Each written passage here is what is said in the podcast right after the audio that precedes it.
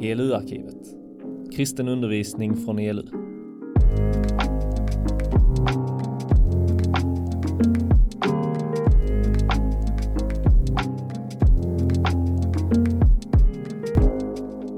Välkomna på seminarium. Ni är eh, i tonårstid, tänker jag. Liksom. Ja, vi ska prata om, eh, alltså jag vet inte, behöver jag ens den här? Jag, den, den spelar in, aha! Vad spännande att man får reda på sånt nu. Liksom. Nej, jag skojar. Nej, det är ingen fara. Det här blir jättebra. Superbra. Vad kul. Eh, jag var lite nervös innan när man, när man liksom såg att jag skulle ha den här aulan. För jag tänkte så här, om det kommer 80 pers så blir det inte så mycket seminarium, det blir liksom en föreläsning. Men nu när jag ser att ni är här så tänker jag, då blir det faktiskt ett seminarium. Då kan man liksom, det blir lite lättare, jag kan se var och en och ni kan liksom känna er frimodiga att ställa frågor och eh, liksom räcka upp handen när ni säger liksom så, men Youtube sa något annat, liksom, eller Wikipedia tycker så här Måns. Då är det mycket lättare för er att, att eh, säga åt mig att jag har fel. Men eh, det, blir, det, det här blir jättebra. Det här blir jättebra. Ja. Den sista tiden sa Malin. Eh, det vanliga begrepp man brukar använda för detta om ni vill ha en, eh, en rubrik är den yttersta tiden. Och det är det som jag kommer då prata lite om och som vi ska jobba lite med. Den yttersta tiden. Vi ska till och med jobba med ett teologiskt ämne, en teologisk term som kallas för eskatologi. Är det någon som har hört det begreppet någon gång? Någon av de här begreppen? Ja? Vad, vad betyder eskatologi? Läran om den yttersta tiden. Eskaton på grekiska betyder helt enkelt, alltså, det betyder yttersta. Så det är liksom läran om den yttersta tiden kan man säga. Det är eskatologi. Och det är lite det som vi ska klura lite på idag. Jag, eh, jag tänkte jag skulle börja med en jätteintressant observation som jag gjorde i, i, i tidningen för lite sedan. Eh, jag läser inte så mycket nyheter och så för jag tycker det är tråkigt. Eh, men jag får sån här nyhetssvep på telefonen. Och då så kom det upp en artikel från någon som hade varit med som ung och nu hade hon hoppat av från Jehovas vittnen. Känner ni till Jehovas vittnen? Eh, hon hade varit med om det där och så nu berättar hon sin snyfthistoria. Alltså, alltså det var ju ganska allvarligt så, men eh, hon berättade om, om, om hur de hade liksom vuxit upp där och vad, vad som var kulturen inom Jehovas vittnen och hur mycket det här hade liksom påverkat henne. Det som var intressant tyckte jag var att man hade satt liksom rubriken på den här nyhetsartikeln. Så, sa, så stod det så här bara. Mamma och pappa sa att jorden skulle gå under. Det var rubriksättningen. Helt oironiskt så scrollar jag vidare i det här nyhetsflödet och så kommer liksom så här klimatforskaren. Så här lång tid har vi kvar. Jag tyckte det var ganska intressant så här att liksom både från ett väldigt starkt liksom fundamentalistiskt religiöst perspektiv så kunde man liksom prägla in i barnen så här. Jorden kommer gå under! Och på samma gång så kunde då den här moderna klimatforskaren säga liksom så här. Jorden kommer gå under! Men det verkar som att någon liksom inte tyckte så här att ja, det kanske inte är jättebra att säga till barn så här bara jorden kommer gå under. Så här, det kanske är bättre att ge dem lite framtidshopp och så. Men i alla fall, båda säger i alla fall jorden kommer en dag att ta slut. Den här världen är liksom ändlig. Den eh, kommer inte bestå i all evighet. Den kommer försvinna. Och det är också ett kristet perspektiv. Och tiden som leder fram till det, det är vad vi ska titta på nu. Och det är alltså det som kallas för den yttersta tiden. Nu ska vi börja lite i Bibeln. Jag ska bara fråga Malin, när är det här seminariet slut? 17. Okej, okay. då vet jag hur jag ska anpassa mig eh, för detta. Vi ska börja i Gamla Testamentet. Vi ska börja i Joel. Jag gissar att ni får använda innehållsförteckningen för det. Det är helt okej. Okay. Eh, Joels bok i Gamla Testamentet ska vi använda oss av. Och då ska vi till kapitel 2.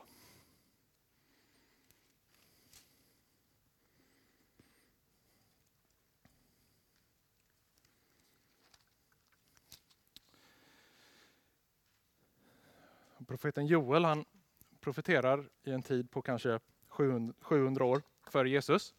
Och eh, han predikar liksom i en tid efter att det har varit en jättestor eh, gräshoppssvärm som har eh, liksom svept in, välkomna, eh, som har svept in över landet. och ätit upp all gröda och ätit upp allt liksom som, som man, man behövde för att offra och för att liksom hålla uppe templet och så, och att allt skulle fungera. Det var liksom borta. Och då gör Joel liksom en, en poäng av detta, liksom med att, att det, här är, det här är Guds dom över oss för att vi ska omvända oss. Och så eh, Det är liksom temat där. Och så kommer då i kapitel 2, Joel, vi är i Joels bok i Gamla Testamentet, kapitel 2. Och i vers 28 i kapitel 2 så får profeten Joel, han får en, en, en, en syn. Han ser liksom in i framtiden kan man säga. Han får en profetia från Gud och han förmedlar någonting som kommer ske i framtiden. Så han säger liksom massa dom, massa gräshoppor, massa elände. Och så säger han så här. Och det ska ske, vers 28 alltså. Och det ska ske därefter. Att jag utgjuter min ande över allt kött. Era söner och döttrar ska profetera, era gamla ska ha drömmar och era unga ska se syner. Ja, över tjänare och tjänarinnor ska jag i de dagarna utgjuta min ande. Och jag ska göra tecken på himlen och på jorden, blod, eld och rökpelare. solen ska vändas i mörker och månen i blod innan Herrens dag kommer, den stora och skrämmande. Och det ska ske att var och en som åkallar Herrens namn ska bli frälst. På Sions berg och i Jerusalem ska det finnas en räddad skara, så som Herren har sagt, bland de överlevande som Herren kallar. Okej, vad är det som händer här? Jo, Joel han får alltså den här profetian om vad som kommer ske i framtiden och han ser lite olika saker. Han ser både män och kvinnor som profeterar. Han ser människor som drömmer, som har syner, som ser saker. Och så kommer det här liksom att anden utgjuts över allt kött, alltså över, över människor. Och så säger han att även i de dagarna, när Guds ande är utgjutet, utgjuten över alla människor, människor kan profetera, se syner, tala om Gud. Även i de dagarna så kommer det tecken på himlen, på jorden, det kommer blod, det kommer eld, rökpelare.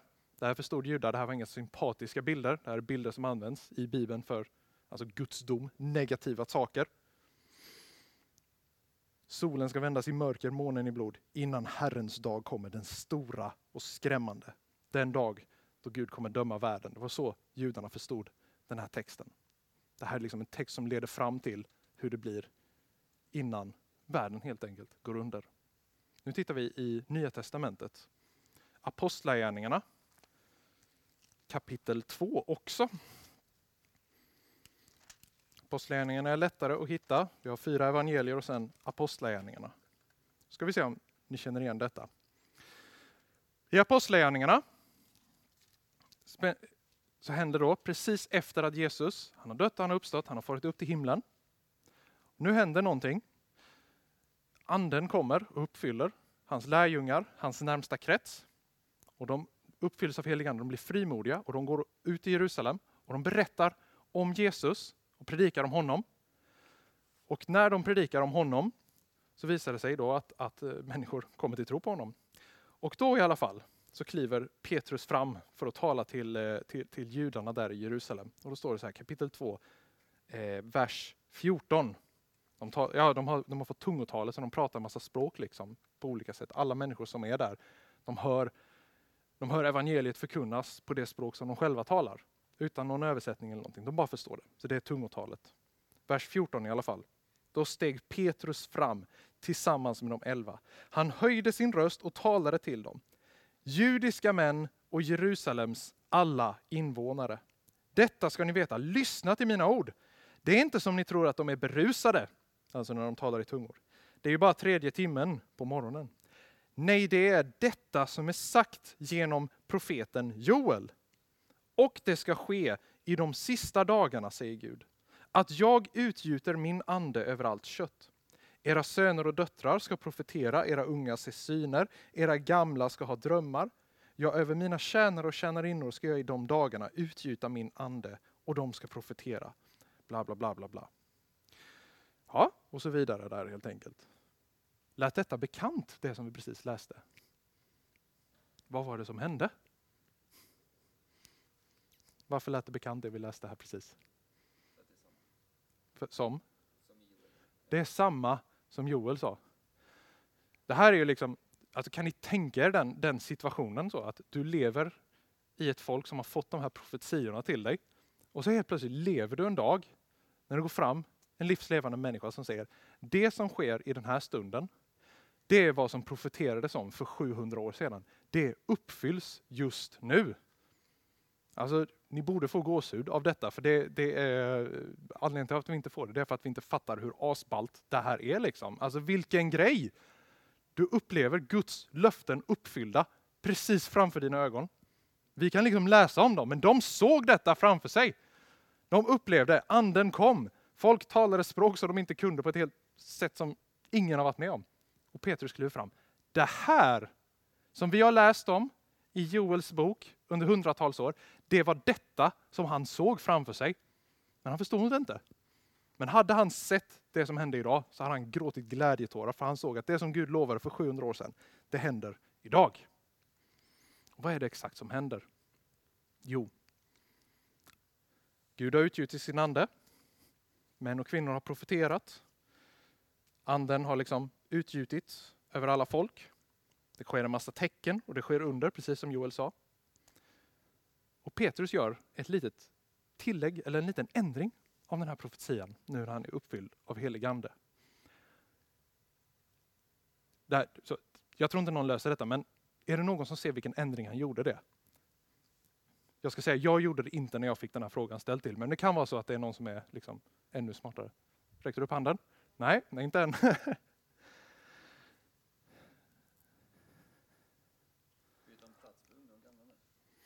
Ja, det, det är okej, det, det, är en liten förändring också, så, men det finns en ganska tydlig.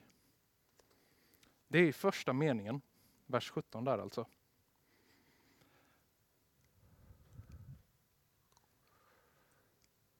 Välkommen.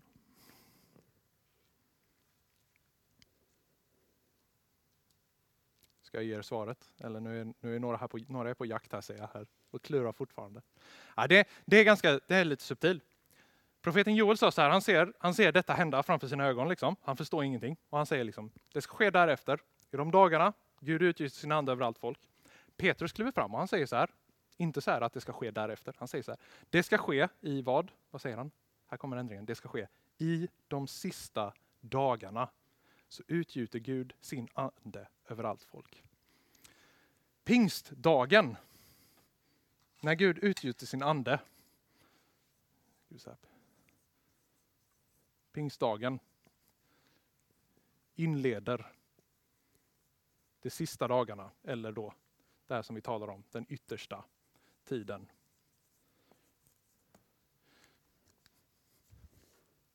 Det gick. Pingstdagen, när Guds ande kommer och uppfyller den här profetian från profeten Joel, inleder den nya perioden i hela frälsningshistorien, i Guds stora plan från att han skapat världen till människornas fall, tills han upprättar hela mänskligheten, till att han eh, leder ut folket ur Egypten, till att han, han, han låter Israels folk ta över det här landet och bosätta sig där, till att han låter kungar komma upp och profeter prata. Jesus kommer i världen, det händer massa saker. Och på pingstdagen så initierar Gud en ny tidsperiod. De sista dagarna. De sista dagarna. Det här är samma sak som den tiden som vi lever i nu.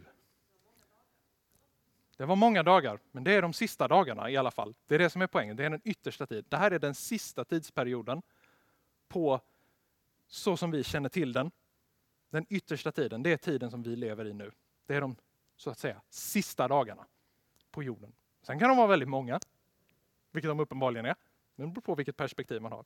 Men det är den tiden som vi lever i just nu. Den yttersta tiden inleds på pingstdagen. Nu ska vi fortsätta titta lite, för då ställer man ju frågan då, eh, eller som utlovades på det här seminariet, vad är det som ska hända under de här sista dagarna? Vad är det som sker under den här tiden? Och det ska vi titta lite på nu. Vi ska gå till Matteus evangeliet för att se vad är det som händer i den yttersta tiden. Och liksom vad, vad, om det här är den yttersta tiden, den sista dagen, då måste ju liksom har något slut någonstans också. Och vad är det som händer vid det slutet och vad händer därefter och liknande. Så, ja, det ska vi se och det kommer vi lära oss i Matteus evangeliet kapitel 24. Jag kan säga att det här är liksom första halvan av det här seminariet. Vi ska titta liksom på här, den yttersta tiden mer övergripande. Och sen tänker jag att vi, liksom, vi tar en snabb bensträckare på någon minut. Och sen så ska jag, tänkte jag att vi ska reda ut lite olika begrepp som man kanske stöter på. Sådana klassiskt kristna begrepp som man, man har liksom ingen aning om vad de betyder ifall man inte ja, jag vet inte, har Wikipedia eller något. Vi börjar i Matteus 24 alltså. Vi börjar i vers 3. Jesus är i Jerusalem. Det här är bara liksom någon dag innan han, eh, han kommer dö. Han har kommit ut från, eh, från templet och eh, de går upp på Olivberget där i Jerusalem. Och då står det så här, när Jesus sedan, vers 3, Jesus satt sedan på, på Olivberget och lärjungarna var ensamma med honom. Då kom de fram till honom och frågade, säg oss, när ska det ske? Vad blir tecknet på din återkomst och den här tidsålderns slut? Vad är den där tidsålderns slut alltså? Den här yttersta tidens slut. Det fick vi svaret på här. Vad är tecknet på detta? Liksom?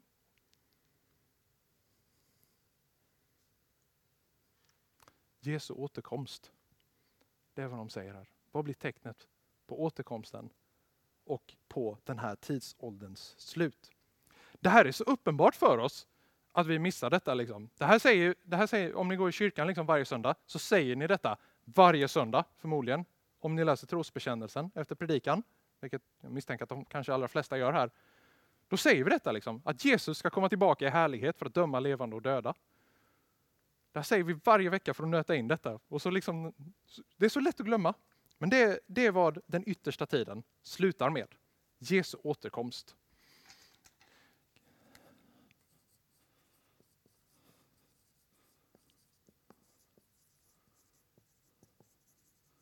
Eftersom jag säger vad jag skriver så behöver jag inte skriva snyggt, utgår jag från.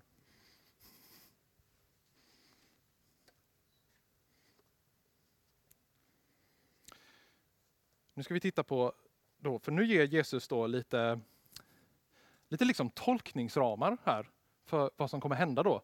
Han svarar så, ibland så svarar Jesus på något helt annat när man ställer en fråga till honom. Men nu svarar han faktiskt, han kommer liksom ställa upp lite olika berättelser och han kommer ge lite olika liknelser. Han kommer säga en hel del saker. Eh, och eh, helt enkelt, ja, det här kan man ha med sig liksom innan vi börjar titta på de här. Så att Bibeln ger oss inte alla detaljer om allting. Utan Bibeln jobbar på en så needs to know basis. Liksom så här, vad, vad behöver du veta för att kunna ta dig igenom detta? Ibland ger, är Gud generös och ger oss liksom fler svar än, än vad vi behöver. Men ibland säger han bara, ah, men det här är vad du behöver veta. Bry dig inte om resten, bara tro på mig, lita på mig. Jag, jag fixar det. Och Det är lite så Gud jobbar här i, i frågan om den yttersta tiden. Han ger oss inte alla svar, men han ger oss tillräckligt med svar. Och då säger lärjungarna alltså, vad blir tecknet på din återkomst och den här tidsålderns slut? Okej, okay, jag lurade lite. Så här. Jesus ger inte ett rakt svar, utan det första Jesus säger då, det ni behöver veta, vers 4. Se till att ingen bedrar er.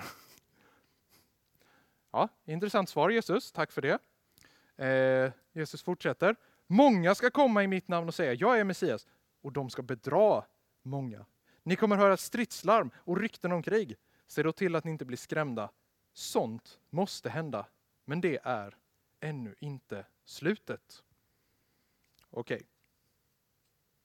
Ja, vi kan läsa vidare här till, fram till eh, Ja, vi, vi, tar hela det här stycket. tror jag. Vers 7. Folk ska resa sig mot folk och rike mot rike. Det ska bli svält, jordbävningar på många platser.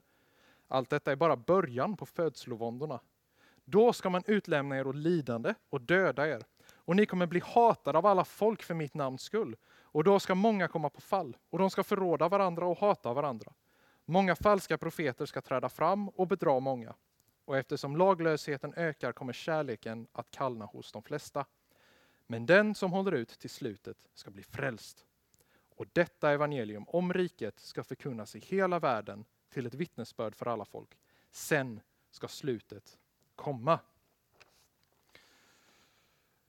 Så den yttersta tiden, tiden innan Jesus kommer tillbaka, är alltså en tid av eh, förvillelse, av, av, av, av nöd, av lidanden, av totala motgångar, av fullt kaos, av att människor avfaller från tron. Ja, det, det är vad Jesus svar är. Liksom. Det här är vad som kommer prägla den yttersta tiden. Och då ger han oss helt enkelt liksom några, två verser som jag tycker är ganska viktiga. Första är då det här, vers 4. Jesus säger dem, se till att ingen bedrar er. Urskiljning, alltså att kunna bedöma vad som är sant från vad som är falskt, vad som är rätt från vad som är fel. Det är en jätteviktig egenskap du måste ha i den yttersta tiden. Och sen vers 13, den andra egenskapen, om urskiljning, alltså att kunna bedöma saker, är den ena. Vers 13, den som håller ut till slutet ska bli frälst. Uthållighet är vad Jesus säger behövs. Eftersom det kommer komma så mycket elände, så mycket lidanden, så mycket nöd, krig, svält, jordbävningar och allting. Vilket liksom, alltså det sker hela tiden. Och alla de här händelserna kan göra att vår kärlek till Jesus kallnar. Eller helt enkelt dör. Och Jesus säger, håll ut. Håll ut. Det är det viktiga som vi behöver veta. Och den tidiga kyrkan fick uppleva detta direkt. Det dök upp massa falska profeter, folk som försökte förleda folk. Eh, man blev förföljd. Det blev massa krig, man blev ja, slaktad ifall du var kristen. Det var inte så uppskattat. Så det Jesus säger, liksom, det, här var, det här var de första kristnas vardag. Det här var vad apostlarna, de som fick höra detta, det här var vad de upplevde direkt efter att Jesus hade farit upp till himlen och lämnat dem. Det var vad de fick uppleva. Så uthållighet och urskiljning är vad som behövs i den yttersta tiden. Vi går vidare lite i den här. Eh, ja.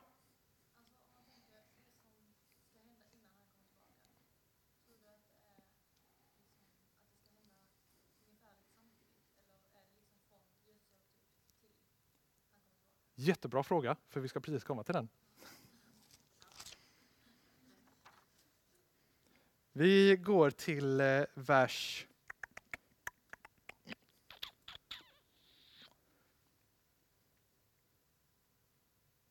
Jag kan bara liksom, eh, recappa lite. Så här. Jesus säger liksom att ah, men det kommer vara jättejobbigt och sen liksom fram till vers 29 så säger han bara ja ah, men det kommer bli jobbigt, folk kommer bedra er, kommer vara falska profeter.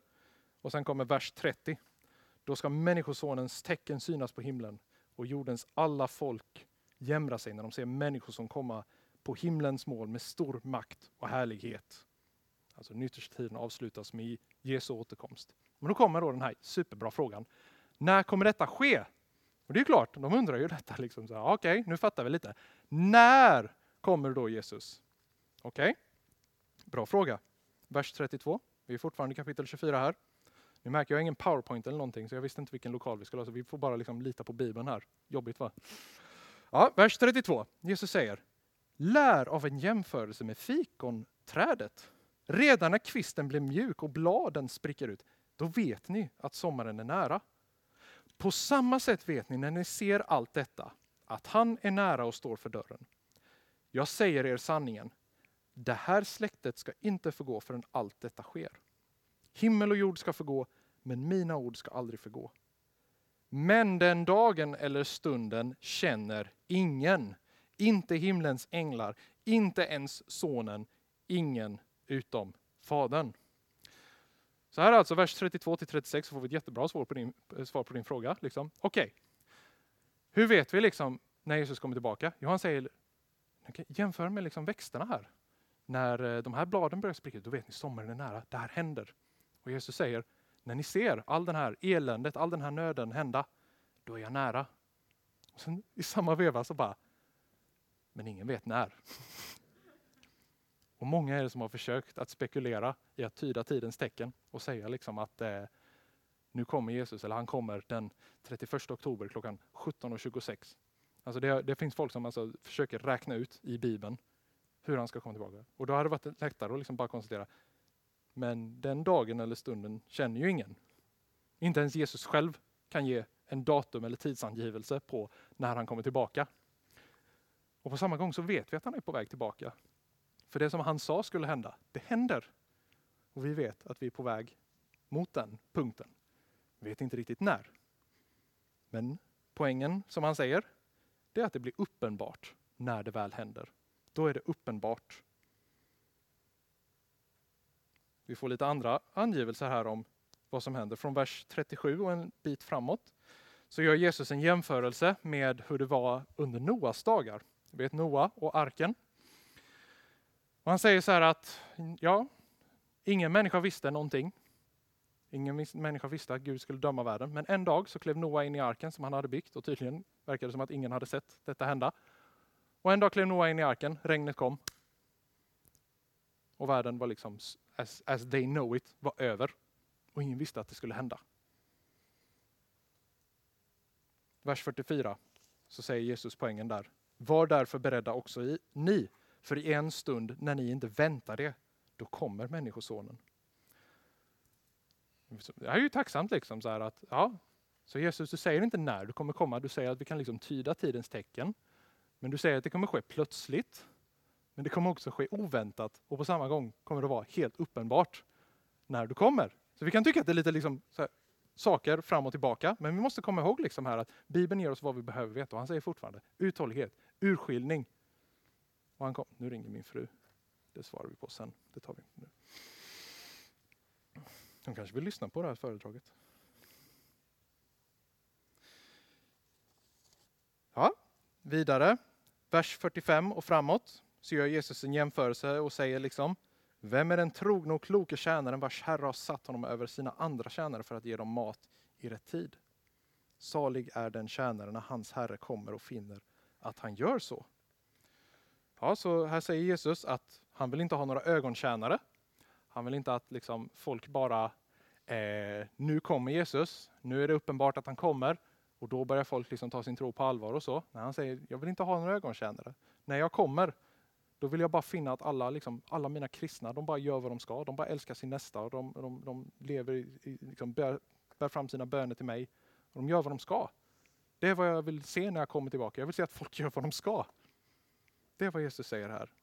Salig är den tjänaren när hans herre kommer och finner att han gör så. Han fortsätter, vi har några liknelser till innan vi ska ta lite bensträckare. Jaha, jag har gott om tid här.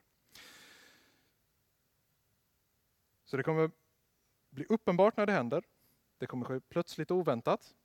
Vi behöver ha en levande relation till honom. Det är några saker vi har lärt oss. Så kommer han nu i vers kapitel 25, vers 1 till och med 13, så kommer en ny liknelse som har en poäng som egentligen återkom här innan. Jesus säger, gör en liknelse nu om eh, tio jungfrur, eller tio brudtärnor kan man säga, som eh, står där och väntar på brudgummen, alltså de har en bröllopsfest. Och de eh, står där och väntar på den här eh, brudgummen som ska komma och hämta hem bruden till sitt hem. Och eh, när de står där och väntar så eh, har de facklor med sig. Och de ska liksom lysa upp och göra en vacker parad där liksom för brudgummen som ska komma och hämta sin brud. Och det visar sig att eh, brudgummen dröjer lite. Ni vet, det var på den tiden. Liksom. Man hade bara fasta telefoner, inga mobiler. Svårt att liksom kontakta varandra. Man hade bara ja, eh, röksignaler ifall man behövde meddela varandra. Eh, det tog lite tid. Ingen visste när kommer brudgummen? Kommer han någon gång då? Ja, vi vet inte. Äh, vi måste ju tända våra facklor. Vi ser ju inget där. Så de tände sina facklor för att kunna se. Och så dröjer det ett tag och eh, så visar det sig att eh, nu håller facklorna på att dö ut och så står det då att det var inte alla som tog med sig olja till de här facklorna för att de skulle kunna fortsätta brinna. Och vissa av de här facklorna dog ut och då kommer brudgummen och finner då att vissa av de här bruthänderna inte skötte sin uppgift. Och här finns det jättemycket spekulationer. Vad i hela världen är det Jesus menar med den här liknelsen? Vad betyder den här facklan? Vad betyder oljan? En, en bibelkommentar, jag skojar inte, en bibelkommentar jag läste sa så här att oljan och facklan betyder ett flitigt bruk av nattvarden. Jag bara, kan, kan man äta olja? Kan man äta facklor? Tänkte jag. Ja, Ja, men det är bättre att kolla i Bibeln vad Jesus säger här. Liksom. Alltså, poängen är inte att liksom, lista ut vad oljan symboliserar, utan liknelsen här, den handlar om, som vi precis har lärt oss, han vill att vi är redo när, Jesus, när han återvänder. Men vers 13 säger också så här, håll er därför vakna. Ni vet inte vilken dag eller timme han kommer. Alltså det här är skillnaden mellan de här oförståndiga och de kloka brudtänderna. De oförståndiga, de tänkte ja, ja, vi tar väl fram de här facklorna. Men de kloka brudtänderna, de förstod, det kan dröja. Det här kan ta lång tid. Det är bäst jag gör mig redo för en lång väntan. Det är poängen med den liknelsen. Det, kommer det kan dröja. Gör dig redo för en lång väntan. Två bilder kvar innan paus. Från vers 14, ja den är inte så svår att förstå här. Jesus pratar om liknelsen om talenterna. Talent var då eh, eh, ett, ett, ett mynt. Liksom. De får, det är tre olika tjänare till en rik man som får olika summor pengar. Och han säger åt dem, förvalta de här väl nu för nu ska jag ge mig ut på en lång resa. Och den här rike mannen han kommer tillbaka och finner att då, två av dem har skött sina pengar som de har fått förvalta väl. Och den tredje har inte skött sin, sitt förvaltande alls. Och den här liksom blir Eh, utstött och liksom utslängd. Och eh, Jesus säger helt enkelt, sköt din kallelse väl. Han säger det två gånger, vers 21 och 23. Så säger han till de här dugliga tjänarna, du var trogen i det lilla, jag ska sätta dig över mycket, gå in i din Herres glädje. Även vers 23, vi kan läsa hela det. Hans herre sa till honom, bra du gode och trogne tjänare, du var trogen i det lilla och jag ska sätta dig över mycket, gå in i din Herres glädje. Ja, så Jesus vill att vi sköter vår kallelse väl. Att vi förvaltar de gåvor som han har gett oss, förvaltar de uppgifter som ligger framför oss och att vi lever i dem. Vi är inte ögontjänare utan vi, vi gör det som, eh, som ja, vi har framför oss att göra här. Mm. Sista liknelsen här. Den här känner ni nog igen. Vers, kapitel 25, vers 31. Och nu ändras temat. Nu säger Jesus rätt upp och ner. När Människosonen kommer i sin härlighet och alla änglar med honom. Då ska han sätta sig på sin härlighetstron. Vers 32.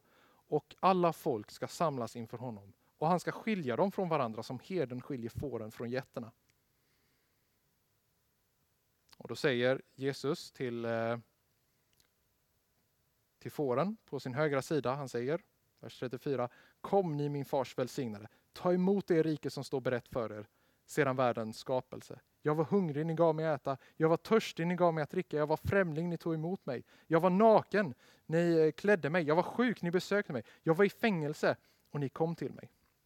Då ska de rättfärdiga svara honom, Herre när såg vi dig hungrig och gav dig att dricka? Eller törstig och gav, äh, eh, gav dig att äta? Eller törstig och gav dig att dricka? När såg vi dig som främling och tog emot dig? Eller naken och klädde dig? När såg vi dig sjuk eller i fängelse och kom till dig? Då, sa, då ska kungen svara dem, jag säger er sanningen. Allt vad ni har gjort för en av dessa mina minsta bröder, det har ni gjort för mig. Vers 41, här kommer kontrasten. Sen ska han säga, säga till dem som står på vänstersidan, alltså jätterna. Gå bort från mig, ni förbannade, till den eviga elden som är beredd åt djävulen och hans änglar. Jag var hungrig och ni gav mig inte att äta. Jag var törstig och gav mig inte att dricka. Jag var främling och ni tog inte emot mig. Naken och ni klädde mig inte. Sjuk och i fängelse och ni besökte mig inte. Då ska de svara, Herre när såg vi dig hungrig eller törstig, eller som främling, eller naken, eller sjuk, eller i fängelse och hjälpte dig inte? Då ska han svara dem, jag säger er sanningen.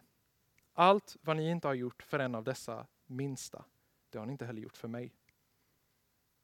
Och dessa ska gå bort till evigt straff, men de rättfärdiga till evigt liv.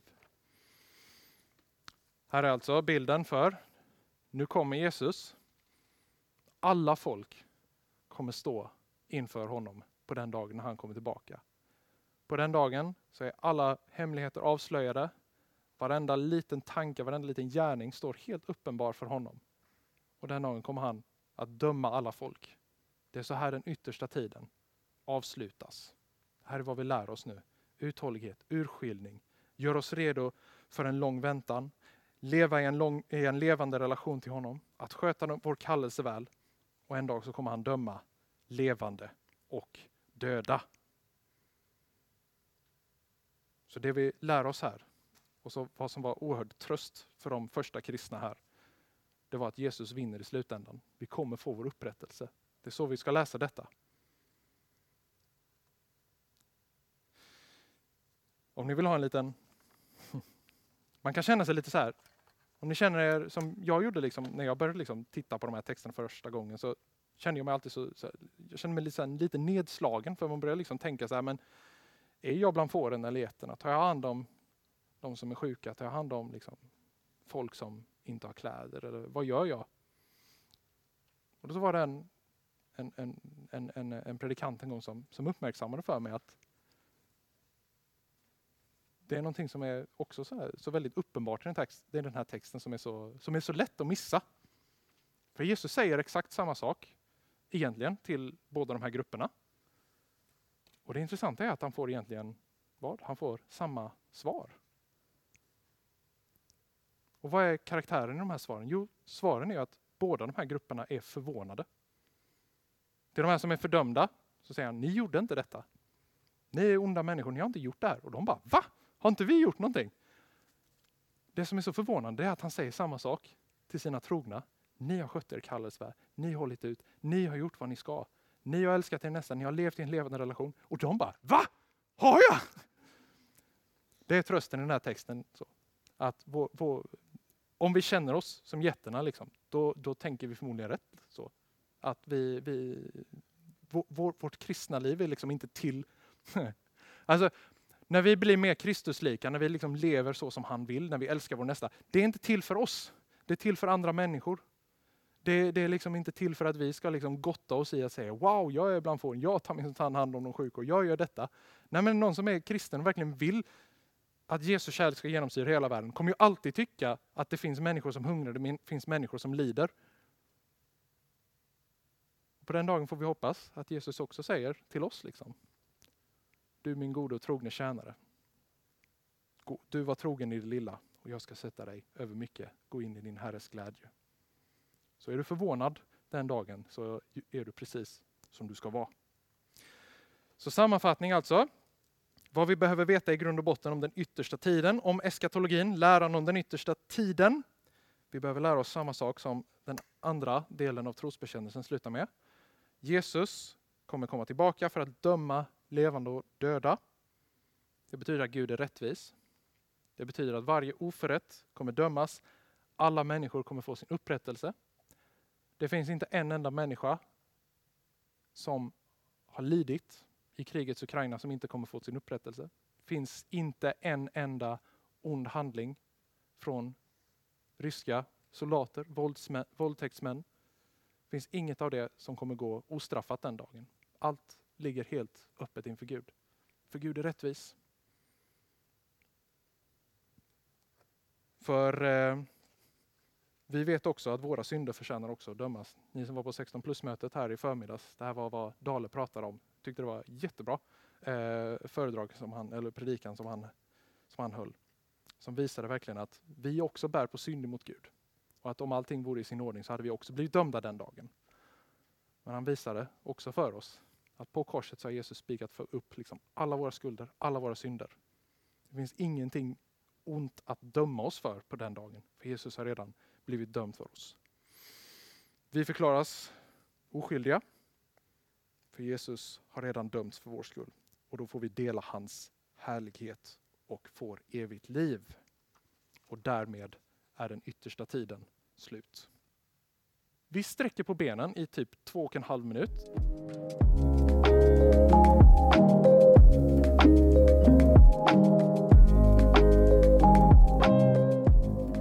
Det finns som sagt lite olika begrepp som eh, man kanske undrar över eller som man eh, har hört talas om eller som eh, man är kanske totalförvirrad över.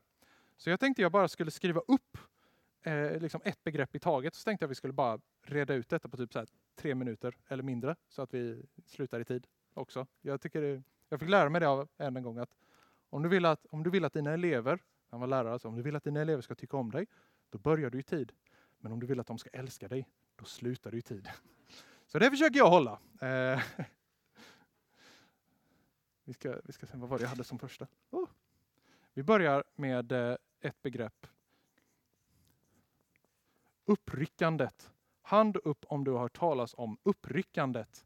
Två stycken. Och, tre stycken. Om jag säger det på engelska, fyra. The Rapture. Är det någon som har stött på det begreppet i så fall? Ja, där kom det också. Uppryckandet. Det här var, jag, tror, jag tror att detta lite har, har, har dött ut, men jag misstänkte att det är säkert några som har hört talas om det, så jag vill ändå ta, med det, eh, ta, ta i detta. Jag pratade med min fru om detta, hon, hon, hon sa oh, definitivt. Liksom. Men det var 20 år sedan hon var konfirmand. Så liksom, det, saker och ting förändras. Så. Uppryckandet var en, en, eh, en, en, en teologisk term som, som dök upp i, eh, ja, jag tror det var början på 1900-talet, då man i vissa kretsar eh, började läsa det som att eh, innan Jesus kommer tillbaka så, kom, så, så introducerar man en ny grej med uppryckandet, eller the rapture. Att innan Jesus kommer tillbaka så kommer alla kristna på jorden att bara ryckas upp till himlen. Att bara försvinna här från jorden. Och detta populariserades i en bokserie, ja. Mm. Som heter, kommer du ihåg? På, eng Nej. Eh, på, eh, på engelska heter den Left behind. Left behind.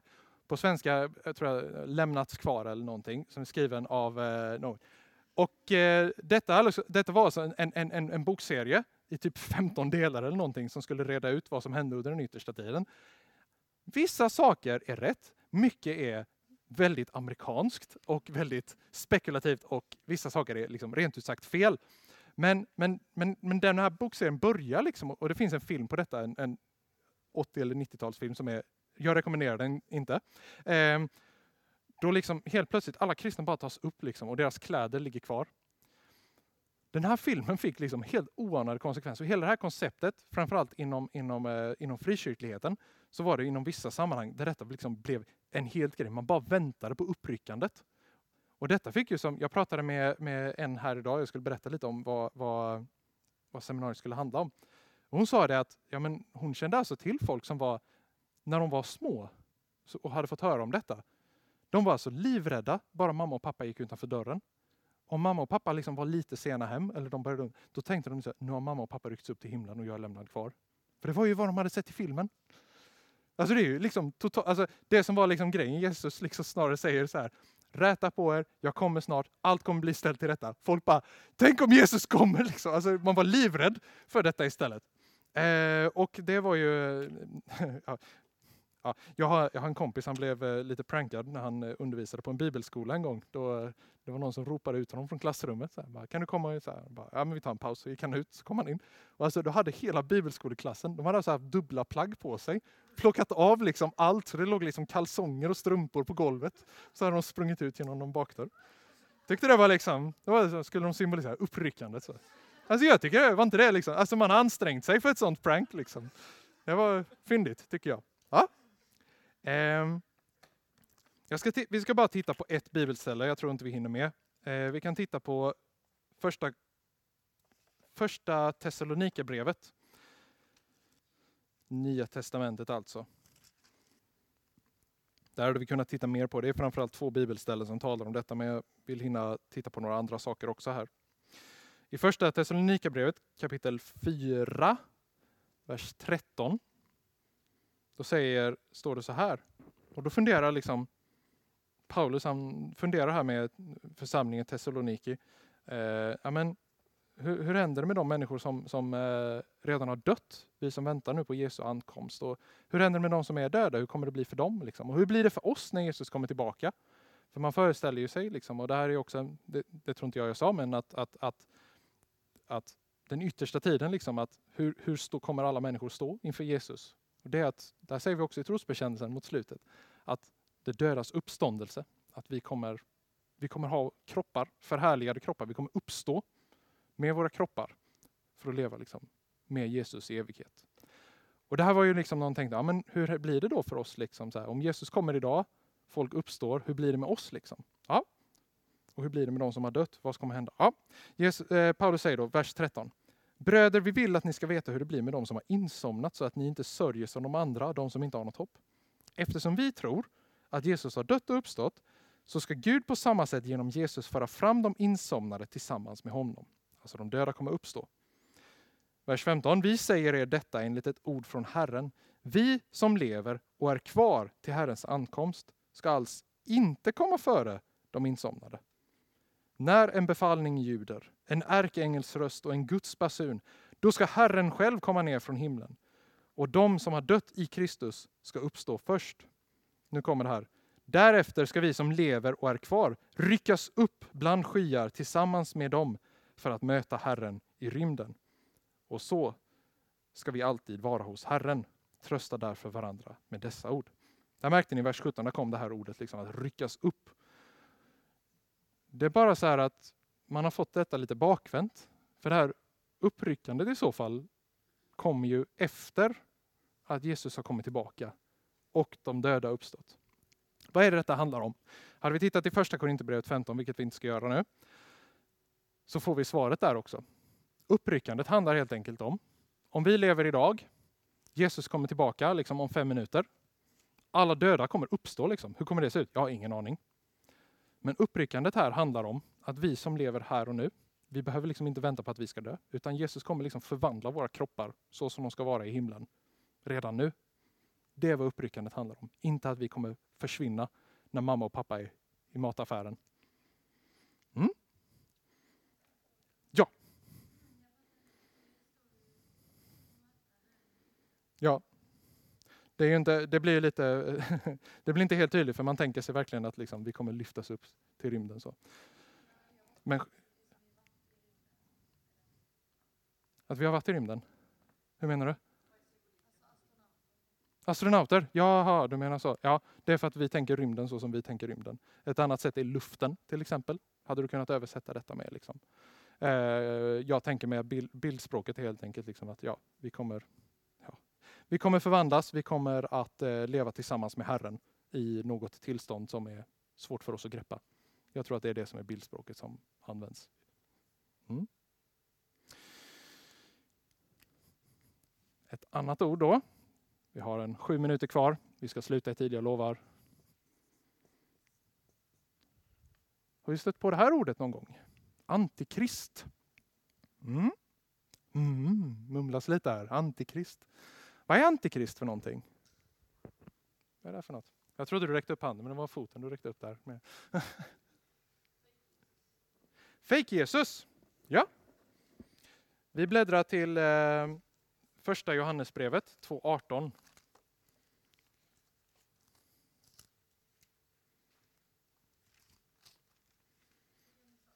Första Johannesbrevet.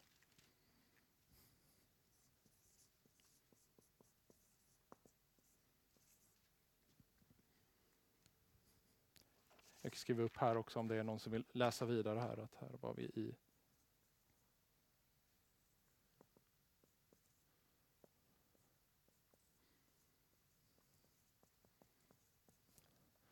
Det kan man läsa ifall man är intresserad. Första Korinthierbrevet 15.51 om uppryckandet. Det står att vi kommer våra kroppar kommer förvandlas. Eh, Antikrist här, första Johannesbrevet kapitel 2, vers 18. Kära barn, den sista tiden är här. Det behöver vi inte bli förvånade över, det har vi lärt oss, eller hur? Vi har pratat om det ganska mycket. Den sista tiden är här, den yttersta tiden är här. Och liksom ni har hört att Antikrist ska komma, så har redan nu många antikrister trätt fram. Av det förstår vi att den sista tiden är här. De har gått ut från oss men de hörde aldrig till oss. Hade de hört till oss skulle de blivit kvar hos oss. Men det skulle visa sig att inte alla hör till oss. Går ner till vers 22. Vem är lögnaren om inte den som förnekar att Jesus är Kristus? Den är antikrist som förnekar Fadern och Sonen. Uh, ja, med mera, med mera. Här får vi lite liksom, eh, liten bild. Antikrist och antikrister. Eh, jag vet en pingstpastor som hette Krister, han kallades antikrister ibland. Eh, tyckte någon att det var roligt, tyckte han inte alls. Men eh, strunt samma. En antikrist verkar ju vara både i eh, singular här, antikrist ska komma, men han säger också det är många antikrister, plural, som redan är här. Och här verkar det vara, handla helt enkelt om helt enkelt motståndare till kyrkan. Folk som förnekar att Jesus är Gud, folk som motarbetar kyrkan. Det är en antikrist. Men det verkar också liksom finnas i detta, eh, verkar många bibelkommentarer mena, att, att det kommer liksom någon gång i den här yttersta tiden så kommer det komma liksom en, en specifik antikrist som kommer vara liksom en stark motståndare till kyrkan. Eh, Läser man de här Left Behind-böckerna så läggs det ut i detalj om hur det funkar. Gör inte det. Men om ni bläddrar tillbaka till eh, första Thessalonikerbrevet och så går ni till andra Thessalonikerbrevet. Så ni går inte tillbaka hela vägen i alla fall. Andra Thessalonikerbrevet 2. Kapitel, äh, kapitel 2, vers 8 så får vi reda på att det är ingenting som vi behöver oroa oss för. För i andra Thessalonikerbrevet kapitel 2, vers 8 så står det så här. Sedan ska den laglöse, och det är vad många då tolkar då som att det här är antikrist, singular, den här stora motståndaren till kyrkan. An, eh, den laglöse träda fram, han som Herren Jesus ska döda med sin muns ande och förgöra med glansen vid sin ankomst. Den laglöses ankomst är ett verk av Satan som kommer med stor kraft och med lögnens tecken och under. Men ondskans alla konster bedrar han dem som går förlorade eftersom de inte tog emot kärleken till sanningen så att de kunde bli frälsta. Okej, här får vi då en bild. Antikrist är alltså någon som försöker förleda kristna som är motståndare till kyrkan. Men vi behöver inte oroa oss för Jesus kommer döda honom. Det är liksom den brutala bilden. Men så är det. Han kommer segra över även detta. Jesus vinner i slutändan, som jag sa tidigare. Ett viktigt tema. Jag tror jag gör så att jag stannar här. Jag hade några fler begrepp, men jag ser att tiden har sprungit iväg. Så vi slutar här klockan tre minuter i fem.